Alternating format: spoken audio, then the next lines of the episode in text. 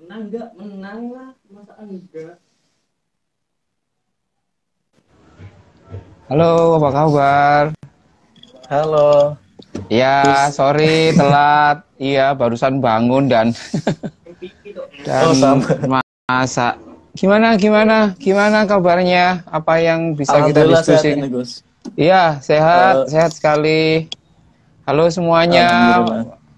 Puasa-puasa ini ini penting ini karena tidak banyak orang yang berani kayak kamu itu. Biasanya kan apa manfaat puasa, eh, malam Lailatul Qadar dan bagi saya itu apa namanya tuh mainstream ya. Iya, terlalu pembelaannya pembelaannya kurang, terlalu nggak tahu, terlalu menye-menye mungkin ya. Tapi bagiku apa yang digagas oleh kalian Gus Durian Semarang ini menurutku penting eh, untuk melakukan pembelaan. Artinya begini, eh, bagiku kalau transgender bela transgender itu juga terlalu mainstream, terlalu mainstream. Hmm, terlalu Yang mainstream. diajarkan oleh Gus Dur itu adalah, menurutku ya, Gus Dur itu mengajarkan orang, eh, Gus Dur itu mengajarkan seseorang itu membantu atau membela orang-orang di luar identitasnya. Jadi kalau kamu NU, belain NU, eh, biasa saja, gitu. Biasa. Islam bela Islam biasa saja. Yang diajarkan Gus Dur itu begini. Gus Dur Islam tetapi nuansa yang dibangun itu ia membela kelompok minoritas yang berbeda agama. Ia Jawa, tapi ia banyak membela orang yang yang bukan Jawa. Kayak gitu. Ia Sunni tapi ia membela orang yang Sunni. Sama dengan kita. Eh, ia tidak pernah hidup katakanlah nggak pernah digusur ya. Gus Dur kan hidupnya nggak pernah digusur. Iya. Tapi ia melakukan pembelaan terhadap orang yang digusur. Bagiku itu menurutku satu pelajaran penting eh, bahwa menurutku menjadi Gus Durian itu adalah ia melakukan pembelaan terhadap orang yang di luar identitasnya. Ia lebih mementingkan orang lain ketimbang ketimbang dirinya sendiri begitu. Nah kayak kamu ini, ya kayak kamu ini menurutku oke itu.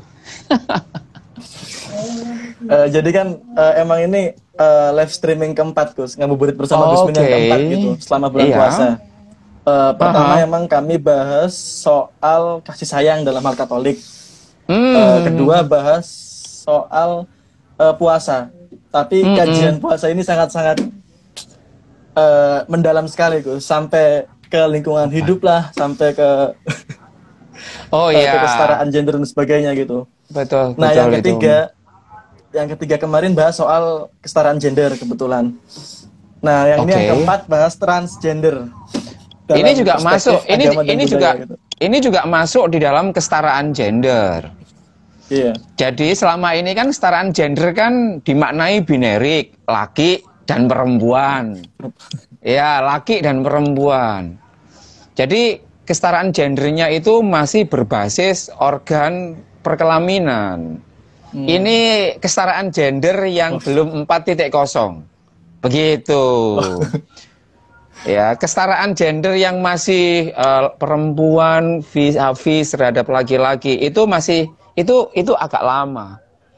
Yang katakanlah kalau menga- me- meminjam istilahnya Pak Jokowi misalkan revolusi mental 4.0 ini berarti eh, keadilan gender 4.0. Keadilan gender 4.0 itu adalah me- menginklusi kelompok-kelompok LGBTIQ termasuk kelompok transgender. Begitu. Begitu. Oke. Nah, sebelum kita bahas lebih dalam dari sudut pandang perspektif agama maupun budaya, Mhm. kira-kira eh, menurut Gusaan apa sih sebenarnya definisi transgender itu? Misal apakah eh, bencong atau mohon maaf awaria dan sebagainya, eh, banci bisa dikatakan transgender misal?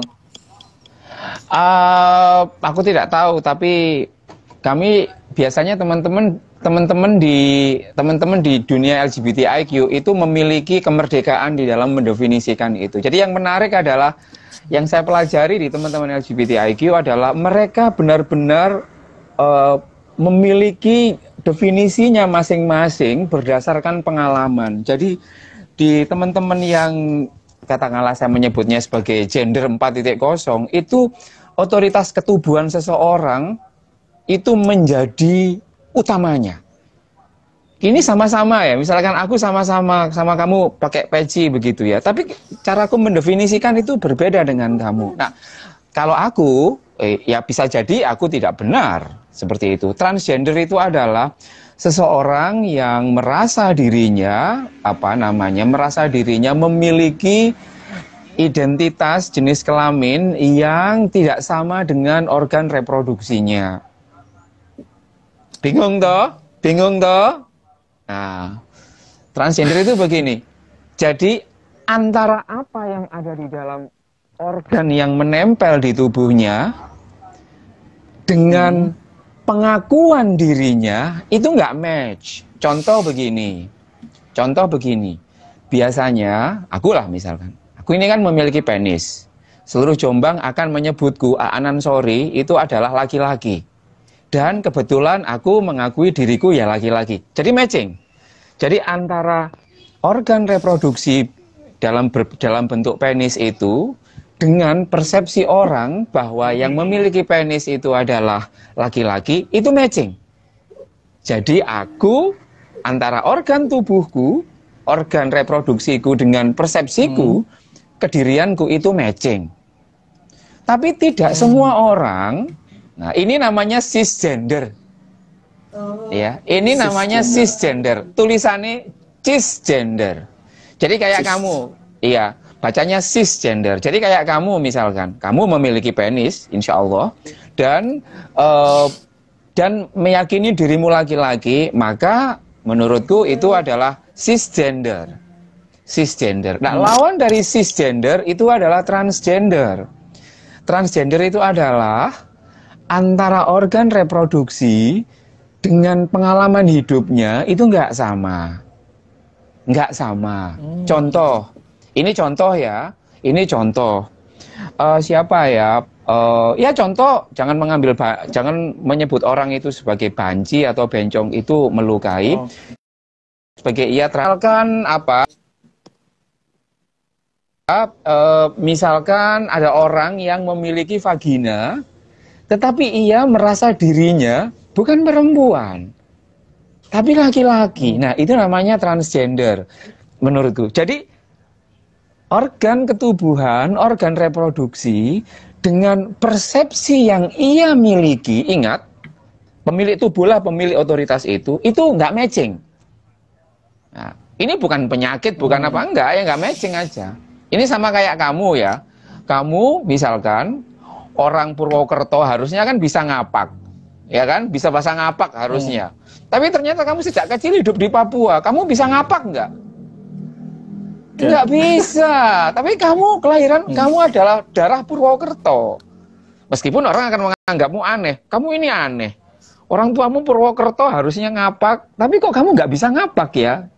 Kamu ini aneh. Bukan hmm. Purwokerto asli. Nah, tidak. Yang ingin saya katakan adalah transgender adalah uh, keadaan seseorang di mana uh, ada uh, ketidaksesuaian antara organ organ uh, organ reproduksi yang ia miliki dengan dengan pengalaman kediriannya. Banyak banyak. Saya punya teman yang ia memiliki vagina secara hukum. Harusnya kan dia sebagai perempuan mengaku sebagai perempuan atau dianggap sebagai perempuan. Tapi dia mengatakan no oh, saya adalah laki-laki. Saya juga punya teman, misalkan Mbak Sofa Lajuba, ia um, uh, sangat mungkin ia mendefinisikan dirinya sebagai transgender. Ia terlahir laki-laki yang memiliki penis, tapi ia uh, merasa dirinya adalah perempuan. Itu adalah transgender. Jadi kalau zaman Nabi itu kira-kira kalau di hadisnya Bukhari itu namanya hib. Itu. Ada ada orang jadi Nabi Muhammad itu di dalam hadis Bukhari itu kan memiliki salah satu istrinya kan namanya uh, uh, Lady Lady Ummu Salama ya. Ummu Salama itu orang yang sangat pintar sekali. Ummu nah, Ummu Salama ya Ummu Salama itu punya punya best friend. Wah, gitu kan. Punya best friend namanya Hit.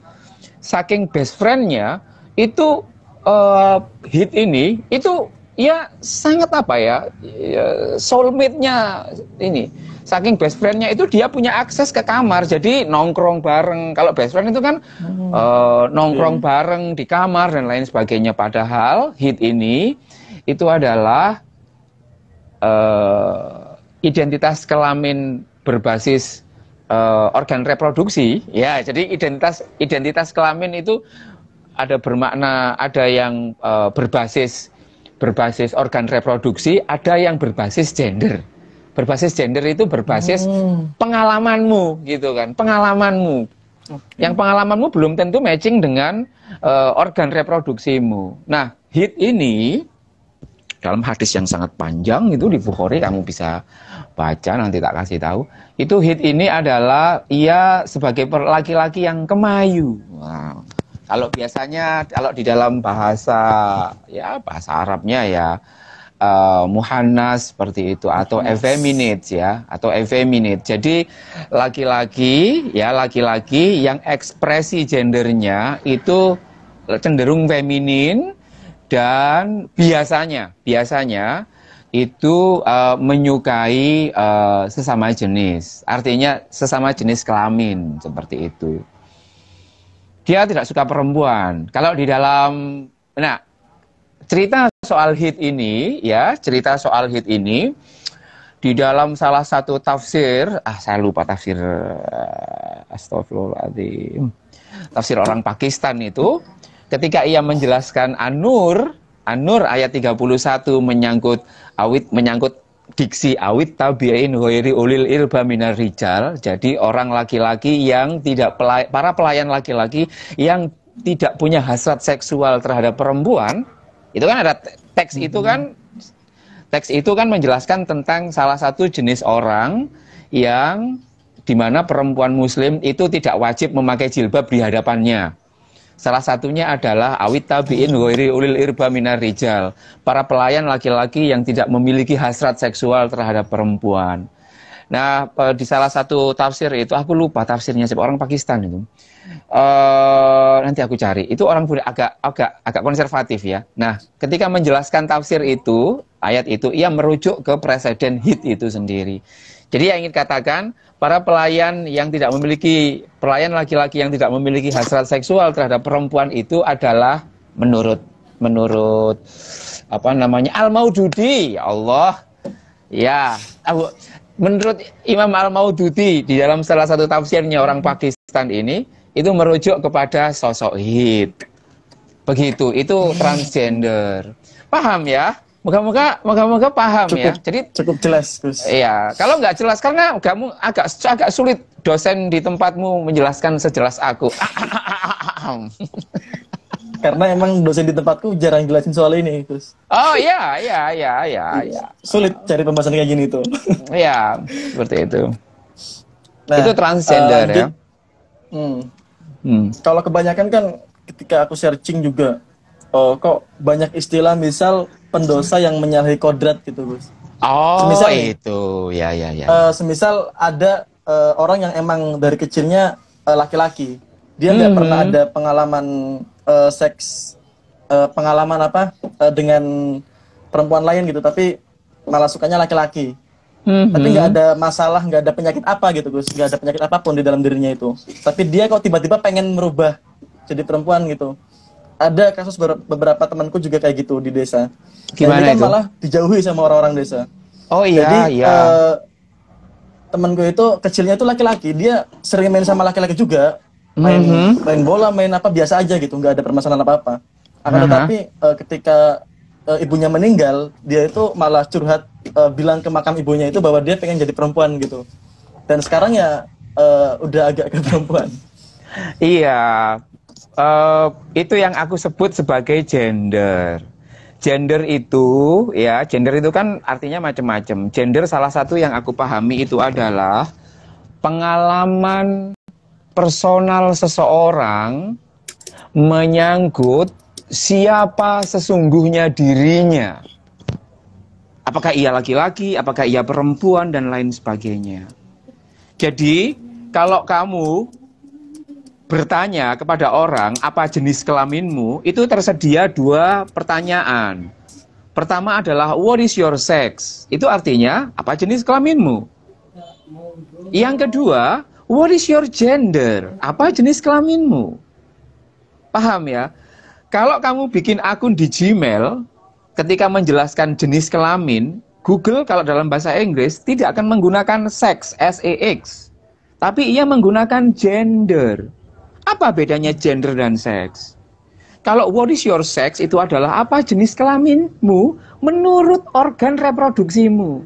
Jadi kalau temanmu itu ditanya what is your sex, dia akan melihat aku punya penis atau punya vagina. Kalau punya penis, maka maka ia akan tunduk pada itu, pada penisnya itu dan ia mengatakan, "Oh, menurut organ reproduksi aku ya laki-laki." Tapi ketika pertanyaannya adalah what is your gender? Apa jenis kelaminmu menurut pengalamanmu sendiri? Tidak hanya sebatas soal organ reproduksi, tapi menurut pengalaman hidup. Ia bisa jadi akan mengatakan I'm fem, I'm woman. Jadi gender ini adalah ekspansi, gender ini adalah penyempurnaan dari ketidakmampuan konsep seks di dalam memotret memotret manusia itu sendiri. Kita ini kan didoktrin seperti ini ya. Kita ini didoktrin seperti ini. Kalau kamu punya penis, maka kamu didoktrin meyakini dirimu laki-laki. Karena kamu harus meyakini dirimu laki-laki, maka kamu harus tampil maskulin, tampil gagah, tidak boleh ngelembeng, tidak boleh kemayu. Ya, itu dua dua doktrin, dua doktrin. Doktrin yang ketiga, karena kamu punya penis, maka kamu harus merasa dirimu laki-laki dan kamu harus tampil maskulin dan kamu harus menyukai perempuan. Itu doktrinnya. Doktrinnya. Bisa jadi benar, bisa jadi tidak. Kalau aku benar, iya.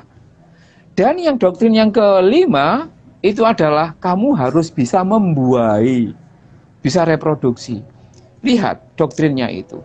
Padahal realitasnya, ya realitasnya bahwa orang yang memiliki penis belum tentu, aku ingat ya, belum tentu, hmm. belum tentu merasa dirinya sebagai laki-laki. Buktinya banyak, buktinya banyak. Banyak sekali orang yang punya vagina belum tentu dirinya mendefinisikan sebagai uh, ia adalah perempuan. Misalkan yang kemarin rame atlet voli. Atlet voli yang hmm. rame itu loh ya, itu kan. Hmm. Ia punya vagina. Iya, lahir dengan vagina, tapi kemudian ia merasa pengalaman hidupnya uh, tidak membawa dia ke dalam satu konsep sebagai apa yang ia sebut sebagai perempuan atau semua orang yang disebut perempuan. Nah, rezim yang mendoktrin ini kemudian rezim yang mendoktrin seperti ini membuat aturan-aturan seperti ini kemudian karena punya motivasi tertentu lalu membuat semacam hukuman bagi orang-orang yang tidak tunduk kepada instrumen ini instrumen ini itu adalah instrumen kalau kamu punya penis kamu wajib menerima dirimu laki-laki. Kalau kamu laki-laki kamu harus maskulin, tidak boleh feminin. Kalau kamu maskulin berarti kamu harus suka pada lawan jenis. Begitu juga dengan yang punya vagina. Nah, bagi orang-orang yang dianggap melanggar seperti ini, dianggap melanggar seperti ini, maka ia akan melebeli rezim ini akan melebeli dirinya, melebeli orang itu sebagai yang sakit, sebagai orang yang tidak mensyukuri nikmat, tidak mensyukuri, uh, melawan kodrat, tidak dan lain sebagainya. Kenapa kok rezim ini terobsesi dengan seperti itu? Rezim ini adalah rezim yang sangat mengagungkan reproduksi. Sangat mengagungkan reproduksi itu adalah apa? Mereka terobsesi beranak pinak. Beranak pinak sih tidak ada masalah. Yang salah itu adalah ketika seseorang menganggap bahwa yang memiliki anak secara biologis itu dianggap lebih tinggi derajatnya dengan orang yang tidak atau ya tidak memiliki anak baik sengaja atau tidak. Jadi yang salah adalah cara pandangnya menganggap dirinya itu lebih tinggi. Jadi kan ada orang nih, ada orang yang mengatakan bahwa orang yang memiliki anak oh, oh, derajatnya lebih tinggi ketimbang orang yang mandul. Padahal di dalam Al-Qur'an misalkan di surat Asyura eh, ayat 49 ayat 50 itu Gusti mengatakan bahwa Gusti juga bisa membuat orang itu mandul. Gusti juga bisa membuat orang itu uh, bisa melahirkan laki-laki, bisa melahirkan perempuan atau bisa melahirkan uh, keduanya dan bisa juga melahirkan itu uh, mandul. Yang ingin saya katakan begini, klaim sakit ya, kalau ada kayak temanmu dianggap sakit, itu menurutku uh, klaim yang salah. Salah secara kemanusiaan dan juga salah secara saintifik kalau ada orang yang mengatakan bahwa orang transgender itu orang yang cacat, saya ingin mengatakan justru yang ngomong cacat itu cara berpikirnya itu yang cacat.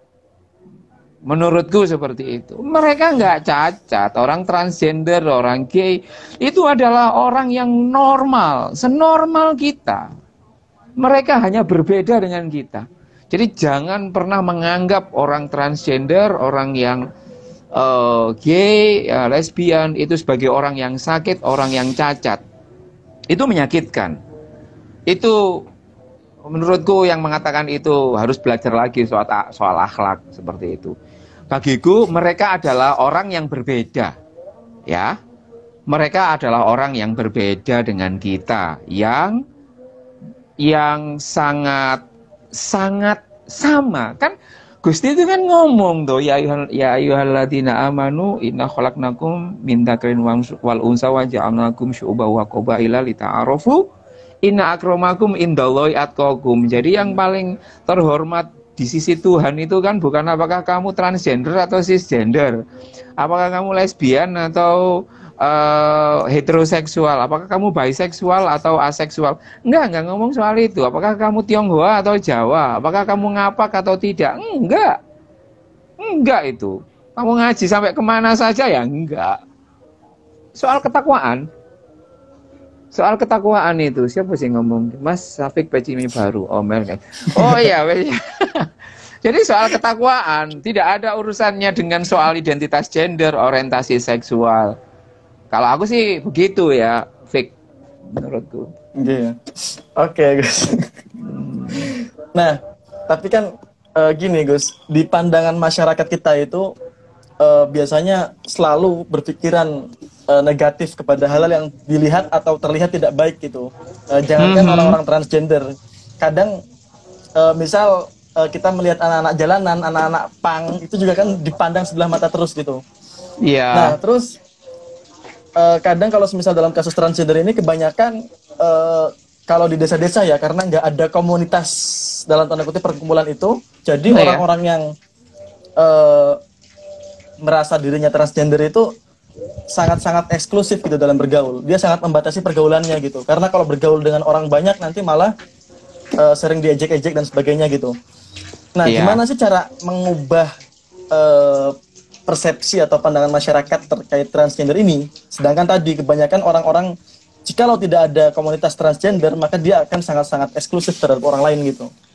Sebenarnya sebenarnya eksklusif tuduhan mereka eksklusif itu sebenarnya agak tidak pas ya. Meskipun itu sebenarnya benar secara kasat mata.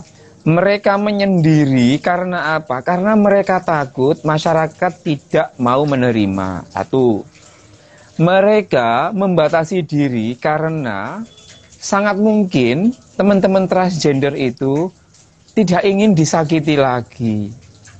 Bayangkan misalkan, ya kayak kamu ya, yang cabi kayak gini, kemudian tiba-tiba sering dibully, woi gemuk, eh gembrot, ya apa? Itu kan membuat orang, membuat kamu berpikir ulang untuk keluar dari sarangmu. Aku tak di rumah aja ketimbang ketimbang ini ya, ketimbang aku nanti akan dibully dan lain sebagainya. Nah, orang-orang transgender seperti ini sebenarnya adalah menurutku sedang berjuang untuk uh, menunggu masyarakat kita itu supaya lebih dewasa menerima. Tapi kan masyarakat kan selama ini kan didoktrin untuk untuk melihat cara berpikirnya kan bias. Cara berpikir bias itu kayak gini ya Cara berpikir bias itu adalah cara berpikir yang meyakini bahwa identitas tertentu lebih unggul ketimbang identitas yang lain. Saya ulangi lagi. Cara berpikir bias itu adalah identitas tertentu merasa dirinya lebih unggul ketimbang identitas yang lain. Kamu kuliah di mana, Fik? Di UIN Semarang, Gus. Oke, di UIN Semarang. Misalkan ya, UIN Semarang, kemudian melihat Stein, katakanlah Steinu yang ada di situ, yang kelasnya kelas agak rendahan secara akreditasi. Lalu kamu merasa bahwa oleh karena aku orang UIN, aku merasa diriku uh, sedikit lebih baik ketimbang anak-anak yang di Stein. Itu cara berpikir bias. Cara berpikir bias, merasa identitas tertentu lebih unggul ketimbang identitas yang lain. Nah, di dalam dual gender ini, kita ini dididik bahwa cisgender orang cisgender itu yang tadi aku sampaikan ya, orang yang hmm. yang antara uh, organ reproduksi dengan uh, persepsi mengenai dirinya itu matching, kayak misalkan aku, kamu. Kita ini dididik bahwa cisgender lebih tinggi derajatnya ketimbang transgender. Iya kan? Orang kan melihat transgender itu kan dengan sebelah mata. Hmm. Orangnya apa uh, the, the lower status seperti itu. Karena itu memang dididik seperti itu oleh pendidikan kita, oleh pendidikan sistem pendidikan nasional kita. Sistem pendidikan nasional kita menganggap bahwa orang cisgender itu lebih mulia ketimbang transgender. Which is itu adalah sesuatu yang harus kita bongkar. Gus Nadim, eh Pak Nadim, Gus Yakut yang kebetulan harus mendengar ini harus juga lebih sensitif. Artinya apa? jika ada sistem pendidikan baik itu di Kemenak maupun di Kemendikbud yang bermuatan bahwa cisgender itu lebih tinggi derajatnya ketimbang transgender itu harus direvisi. Nah, itu baru itu baru anak buahnya Jokowi seperti itu. Jadi sesekali memang misalkan begini, apa yang bisa dilakukan menurutku adalah keteladanan, tidak bisa dipreachingkan, tidak bisa di dikhotbahkan. Ia harus menjadi teladan. Teladan itu begini. Misalnya tiba-tiba nanti Gus Yakut atau Pak Nadim itu ngangkat staff teman-teman dari transgender itu bagus, nggak perlu khotbah, yang penting teladan. Gitu loh. Nah, wani gak? Gitu. Misalkan kayak Joe Biden, Joe Biden apa namanya Presiden Amerika Serikat. Itu kan jelas salah satu uh, apa namanya perangkat di uh, kepresidenannya itu kan juga tidak hanya orang yang cisgender, ada yang sebentar ya, sebentar aja. Oke okay, guys. Uh, baik sambil menunggu Gus Aan kembali ya, uh, barangkali ada kawan-kawan yang ingin bertanya, mungkin langsung uh, di kolom komentar aja ya. Uh, kita paling sampai oh, jam sorry, soalnya 17.15. Apa Pak Mandi penuh. Menurutku teladan ya, teladan. Teladan yang paling penting itu adalah Gus Dur. Gus Dur ya. Gus Dur itu kan keren, Pak. Gus Dur di tahun 2016, uh, eh, waktu itu kalau nggak salah dibawa oleh apa di di apa melalui perantara Mbak Sunia Ruhama, Mbak Sunia Ruhama ini setauku oh, okay. juga Mbak Sunia. Mbak Sunia itu Gus Dur diundang untuk untuk hadir dalam uh, kontes kecantikan Ikatan Waria Indonesia. Gus Dur hadir. Gus Dur hadir keren itu. Gus Dur nggak keluar-keluar apakah itu dosa atau tidak dosa dan lain sebagainya. Ia hadir. Ya, Bayangkan kalau itu dilakukan oleh Pak Jokowi, dilakukan oleh Kiai Ma'ruf Amin, dilakukan oleh Yai Said, dilakukan oleh Gusmus, dilakukan oleh Habib Quraisy Hab, dilakukan oleh Gus Baha, dilakukan oleh Gus Miftah. Gitu loh. Jadi berhentilah ngetopros omongan ini baik ini salah enggak. Berikan teladan. Berikan teladan. Sama seperti Gus Dur. Gitu loh. Jadi kalau misalkan kan kalau kita apa namanya belajar Imam Ghazali ya dalam kalau nggak salah di Bidayatul Hidayah Itu kan ngomong tuh, lisanul hal afsahu lisanil makol. Dakwah dengan tindakan itu lebih keren ketimbang dakwah dengan omongan. Jadi dakwah dengan omongan dengan cocot seperti yang kita lakukan itu sebenarnya biasa-biasa saja. Biasa aja. Biasa aja. Tapi yang keren itu adalah dakwah bilhal. Seperti Gus Dur. Seperti Kanjeng Nabi. Kanjeng Nabi tidak melarang Ummu Salamah. Ya, Kanjeng Nabi tidak melarang Ummu Salamah untuk bergaul dengan Hid. Ya, pada satu titik aja di cerita Bukhari itu ada kesalahpahaman menurutku sehingga Hid diusir. Tetapi sebelum itu uh, Ummu Salamah diperbolehkan untuk bermain dengan Hid. Nah, aku membayangkan seperti ini masyarakat kita ini sudah terlalu lama dicekoi dengan bahwa yang cisgender itu dianggap yang benar, yang transgender dianggap salah. Nah, cara mengkampanyekannya simple, simple, simple sekali. Gak butuh APBN, APBD kok, gak butuh. Cukup gitu ya, cukup Pak Jokowi atau KSP ya, teman-teman di kantor staf kepresidenan itu mengangkat teman-teman transgender sebagai stafnya, sebagai salah satu komisioner, seperti itu. Bagiku itu sudah sangat oke. Okay. Ya, Uin, Uin, Uin, Uinmu, ya, Uinmu, Uinmu itu yang katanya progresif atau Uin Jogja yang katanya super progresif itu ada nggak dosennya yang transgender? Mereka belum ada nggak usah keluar-keluar dulu ya. Menurutku seperti ini kritik aja ya, iya. Pak Makin, Profesor Makin, with all due my respect. Saya kira uh, sebagai scholar uh, progresivitas itu penting. Jadi tidak perlu berkuar-kuar, kita harus apa namanya um, kita harus apa namanya uh, melakukan ukhuwah basariah dan lain sebagainya. Lalu pada prakteknya cara berpikir kita masih bias kok masih bias dengan menganggap orang-orang yang cisgender itu dianggap lebih terhormat ketimbang orang-orang transgender. That is why sangat sedikit orang-orang transgender itu yang sanggup bersekolah sebagaimana bersekolah secara tertib, secara sempurna jika dibanding dengan cisgender. Ya kan? Misalkan, kan banyak teman-teman transgender yang nggak apa hidupnya menderita, nggak punya ijazah yang banyak. Karena apa? Ya karena memang sistem pendidikan nasional kita belum bisa menerima orang transgender. Ya, kan dilihat itu ijazahnya masuk SMP. Aku pernah mengadvokasi orang ya, masih masih hidup itu orangnya. Namanya Novi itu. Novi itu orangnya masih hidup itu. Novi Salon rumahnya Mojowarno ini. Novi Salon itu uh, uh, Facebook Facebooknya Novi Salon Novi Salon itu ke mana-mana di Jombang dia pengen kuliah ya, dia pengen kuliah, dia daftar ya, dia ngaku aku daftar ke Stikip, daftar ke hampir perguruan tinggi yang ada di Jombang itu, nggak diterima. Soalnya apa? Iya dandanannya perempuan, tapi ijazahnya laki-laki.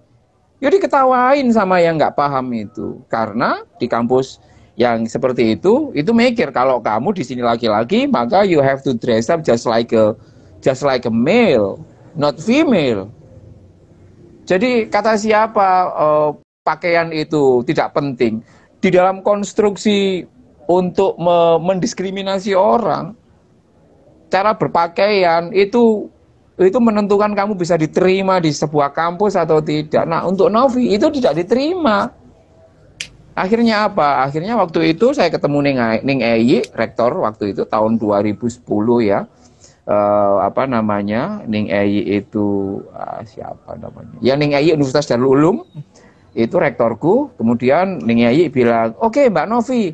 Mbak Novi silahkan masuk di sini." Dia Novi kemudian masuk masuk apa namanya? Uh, psikologi dan dia adalah pertama kali dalam sejarah dalam sejarah apa namanya dunia pendidikan tinggi di di Jombang seorang transgender seorang transgender transgender beneran ya bukan gay bukan lesbian itu hmm. dia bisa kuliah di perguruan tinggi Darul Ulum loh ya Darul Ulum loh ini Islam loh dan dia Islam. tidak harus iya dia tidak harus dia tidak dia bisa berdandan seperti apa yang ia inginkan. Ia tidak dipaksa untuk menjalani dan tertentu. Bagiku begini, uh, cara mendorong konstruksi masyarakat itu sebenarnya mudah, mudah sekali. Uh, mengamini apa yang dikatakan oleh uh, Hujatul Islam, Imam Ghazali itu kan, lisanul hal afsohum milisanil makol, apa namanya, kang ngongkon kang lakoni, bagiku ya kang ngongkon kang ngongkon ngelangkoni kalau kita ngongkon orang untuk untuk mem, uh, untuk memperlakukan orang itu secara sejajar maka ya kita harus melakukan itu. Kan di dalam Gus Durian itu kan kita didoktrin kayak gini toh Fik. Perlakukanlah orang lain sebagaimana kita ingin diperlakukan. Itu kan the golden rule-nya Gus Durian toh. Kalau kamu tidak ingin didiskriminasi maka jangan mendiskriminasi orang.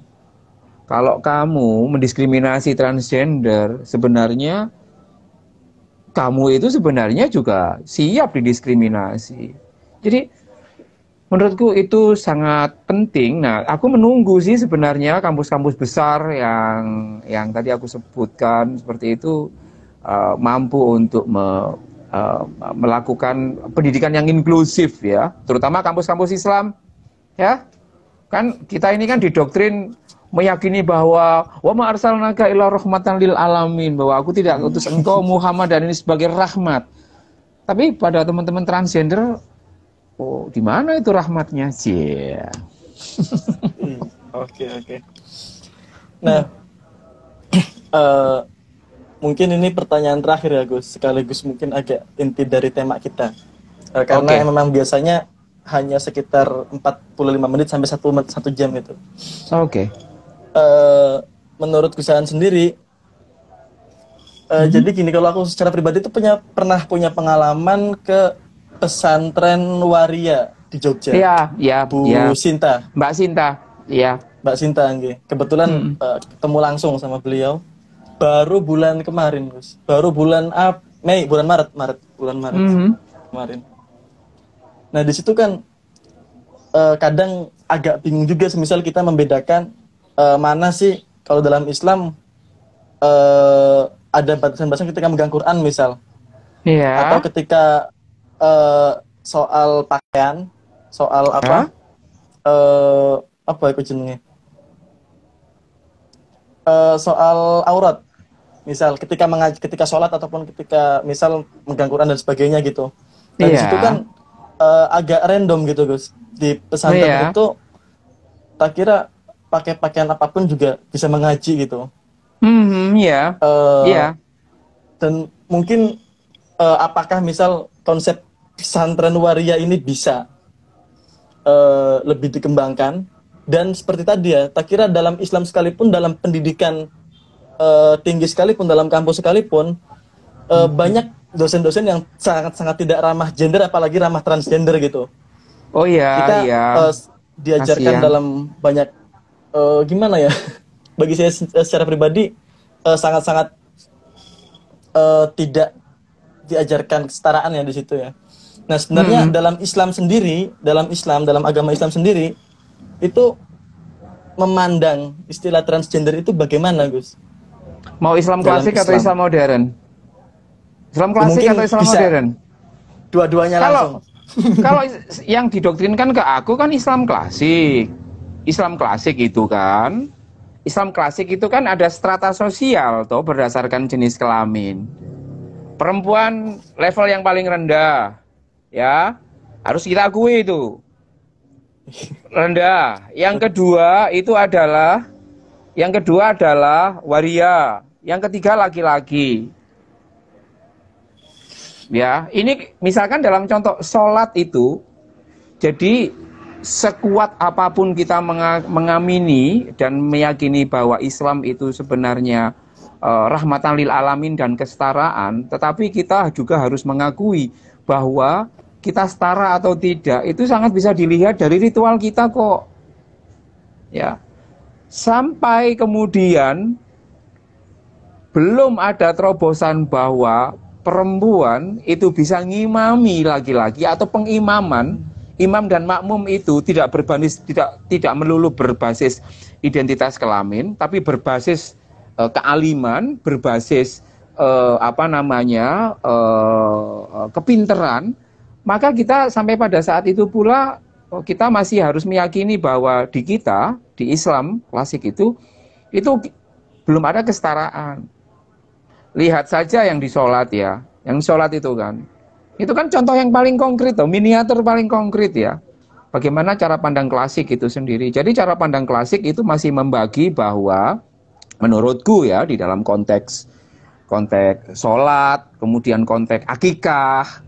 Akikah itu kan begitu hmm. tuh. Akikah itu kalau wah, anak kita punya vagina, ininya satu. Kalau anak kita punya penis berapa? Dua. Tuh. Itu kan bias gender tuh. Dan itu masih dilanggengkan. Masih dilanggengkan seperti itu. Sampai kemudian itu terus ada di masyarakat. Sampai apa pada titik itu pula sebenarnya uh, Islam kita masih bernuansa Islam klasik. Dalam Islam klasik menurutku uh, semuanya masih berdasarkan organ jadi harga quote unquote harga seseorang itu masih dibasiskan pada jenis kelamin yang didasarkan kepada organ reproduksi. Ya, organ reproduksi. Masih pertanyaannya masih what is your sex? Bukan what is your gender. Begitu. Nah, itu Islam klasik. Islam klasik menganggap orang-orang waria, orang-orang transgender, orang-orang transmen, orang-orang gay, orang-orang lesbian itu sebagai orang-orang yang punya penyakit, orang-orang yang cacat, atau orang-orang yang perlu dikasihani, atau orang-orang yang harus dikembalikan kepada fitrahnya. Itu cara pandang klasik yang diamini oleh cara pandang apa namanya, cara pandang yang uh, yang sekarang ini. Tapi yang menarik ada salah satu ulama uh, namanya Al Aini, ia mensyarahi uh, mensarai salah satu kitab uh, Bukhari, mensarai namanya Umdatul Quro kitab itu. Al-Aini, aku pernah menulis ini. Al-Aini ini, Al-Aini itu membagi transgender, membagi transgender itu jadi dua. Ya, ini anggap saja klasik. Dia hidup seribu seratusan, seribu seratusan. Ini agak terserah, ini klasik tapi agak modern ya. Ini klasik agak modern. Ia membagi uh, muhannas ya waktu itu yang disediakan adalah muhannas. Dia membagi muhannas orang laki-laki yang ke perempuan-perempuan itu menjadi dua. Untuk memudahkan, ia membagi transgender itu menjadi dua. Pertama, khilki dan takallufi. Hilki itu Hilki itu bahasa Indonesianya kira-kira emang udah dari sononya, gitu loh. Hmm. Udah dari sononya itu udah dari sononya. Misalkan ya uh, Gus Amar itu dari sononya. Teman-teman waria hampir semuanya dari sononya. Dari sononya. Artinya apa? Enggak dibuat-buat. Masa sih Masa sih ada orang yang membuat-buat? Kalau berbuat-buat supaya lebih baik, aku bisa masuk akal. Tapi waria itu kan dalam konsumsi masyarakat itu kan rendah. Kena mana mungkin ada orang nggak masuk akal ada orang yang berpura-pura menjadi rendah? Kan nggak mungkin. Kalau berpura-pura menjadi baik itu banyak. Eh, ini berpura-pura kok berpura-pura menjadi waria kan nggak mungkin. Kecuali kalau memang ia benar-benar adalah dirinya sendiri. Nah, transgender seperti ini itu masuk disebut sebagai transgender yang hilki. Aku pernah nulis itu nanti bisa dicek. Jadi yang memang dari sononya, kalau dari sononya, ya dia nggak berdosa, dia nggak boleh dianggap sebagai penyakitan, dia ya dia harus diperlakukan sama. Nah yang menarik adalah yang kedua, yakni takalufi. Takalufi itu artinya jadi-jadian, palsu. Hmm. Aku tambahkan supaya memperjelas palsu dan yang asli. Jadi kalau yang yang udah dari sononya itu adalah siapa yang tahu itu dari sononya? Ya dirinya sendiri. Yang palsu itu menurutku adalah iya sebenarnya uh, bukan ia sebenarnya ia sebenarnya katakanlah kalau dia laki-laki ia sebenarnya dia berpose seperti perempuan tapi sebenarnya untuk kepentingan atau untuk kebutuhan yang melanggar hukum. Contoh ini, contoh, contoh ya. Tahun 2018 atau 2019 ada seorang laki-laki seorang laki-laki dia berkumis ya, dia berkumis karena ingin melakukan pelecehan seksual kepada anak pondok, maka ia berpura-pura ia menyamar sebagai perempuan. Dia memakai jilbab, dia memakai cadar. Itu ada di Jember. Aku masih simpan clippingnya. Jadi kayak aku ya, aku itu sebenarnya perempuan laki-laki cisgender. Tapi karena aku misalkan ingin melakukan kejahatan seksual di asrama perempuan, maka untuk mempermudah caraku ke sana, kalau aku masuk dengan menggunakan laki-laki kan tertolak nih. Maka yang aku lakukan adalah aku berpura-pura menjadi perempuan. Inilah yang disebut dengan takalufi. Ia berpura-pura uh, tidak, ia berpura-pura menjadi orang lain untuk kepentingan uh, apa merugikan orang. Ini yang nggak boleh. Seperti itu. Jadi menurutku sebenarnya itu konsep yang klasik. Kalau konsep yang modern, konsep Islam yang modern itu adalah konsep Islam yang ramah terhadap ilmu pengetahuan, yang ramah terhadap apa yang disiplin ilmu sekarang eh, namanya SOGSC, sexual orientation, gender identity and expression, and sexual characteristic. UN pakai itu. UN pakai itu. Jadi ya kalau menggunakan Islam yang modern ya Islam yang ramah terhadap gender yang soji SC itu. Sehingga kalau bertemu dengan teman-teman transgender uh, ya kami akan ngomong, akan memanggil dia Mbak. Dan kalau dia mempersepsi dirinya perempuan, maka kami juga akan mempersepsi dirinya adalah perempuan. Kami akan memperlakukan dia sebagaimana ia ingin diperlakukan. Seperti itu. Saya kira itu ya, udah udah hampir satu jam ini. Ini ada satu pertanyaan itu tadi Gus, uh, ada kaitannya dengan Islam modern sih itu. Uh, jadi ya. dalam Islam modern itu menghalalkan LGBT gitu ya Gus. Pertanyaan seperti itu bukan menghalalkan LGBT, bukan menghalalkan LGBT, memanusiakan manusia. Gitu loh. Memanusiakan manusia. Kalau kamu yang tanya itu, kalau kamu misalkan suka perempuan, lalu tak paksa untuk suka laki-laki atas nama agama, itu gimana perasaanmu? Jadi memanusiakan manusia itu adalah menempatkan manusia itu sebagai manusia itu sendiri, sesuai dengan orang itu, bukan sesuai dengan pikiran kita. Kita kan sebenarnya kan ingin memaksakan kan. Jadi kalau saya menganggap laki-laki itu harus suka dengan perempuan. Sehingga apa? Pikiran saya ngeblok kalau ada laki-laki, suka laki-laki, maka orang itu saya paksa sesuai dengan pikiran saya. Kalau Islam modern enggak. Kalau Islam modern itu dilihat. Ilmu pengetahuan bilang apa? Ilmu pengetahuan mengatakan bahwa ada laki-laki yang tidak suka dengan perempuan. Jangankan ilmu pengetahuan, Al-Quran itu sudah pernah ngomong seperti itu bahwa ada jenis kelamin laki-laki yang tidak suka, tidak suka, tidak memiliki hasrat seksual terhadap perempuan. Ada itu. Dan tidak diminta untuk berubah dan tidak diminta oleh berubah. Kayak gitu. Oh, Jadi bukan menghalalkan LGBT, itu uh, Al-Quran is speaking for itself. Ya, tafsirnya bisa macam-macam. Uh, aku tidak mengklaim bahwa tafsirku yang paling benar. Ada juga silahkan menafsirkan yang lain.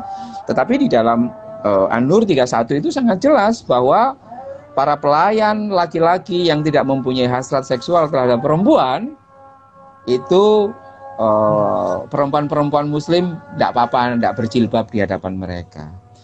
Jadi okay. menurutku menghalalkan LGBT itu adalah sebagai konsekuensi logis bisa jadi karena kita memanusiakan manusia itu sendiri sebagaimana perintah dalam Al-Quran.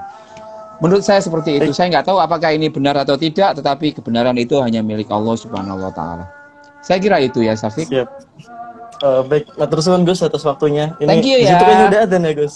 Iya, udah. Eh, aku lapar banget. Sudah ada.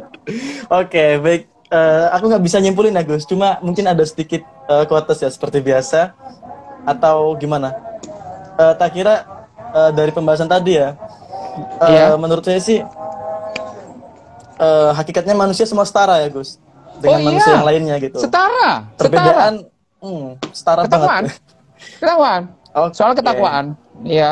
Ketakwaan itu bukan kamu sholat pakai baju apa. Itu bukan ketakwaan loh ya.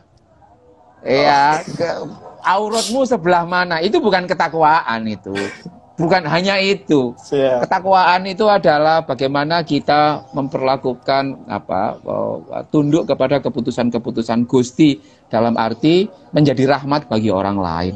Itu takwa itu yang menjadi rahmat bagi orang lain menurutku. Siap Gus. Eh, Oke, ya. Selamat berbuka puasa. Thank you, Gus, ya. terima kasih. Thank you, thank suwun. you. Matur Kurang lebihnya mohon suwun. maaf. Wassalamualaikum warahmatullahi wabarakatuh. Waalaikumsalam. Ya, ya, thank you. Terima kasih.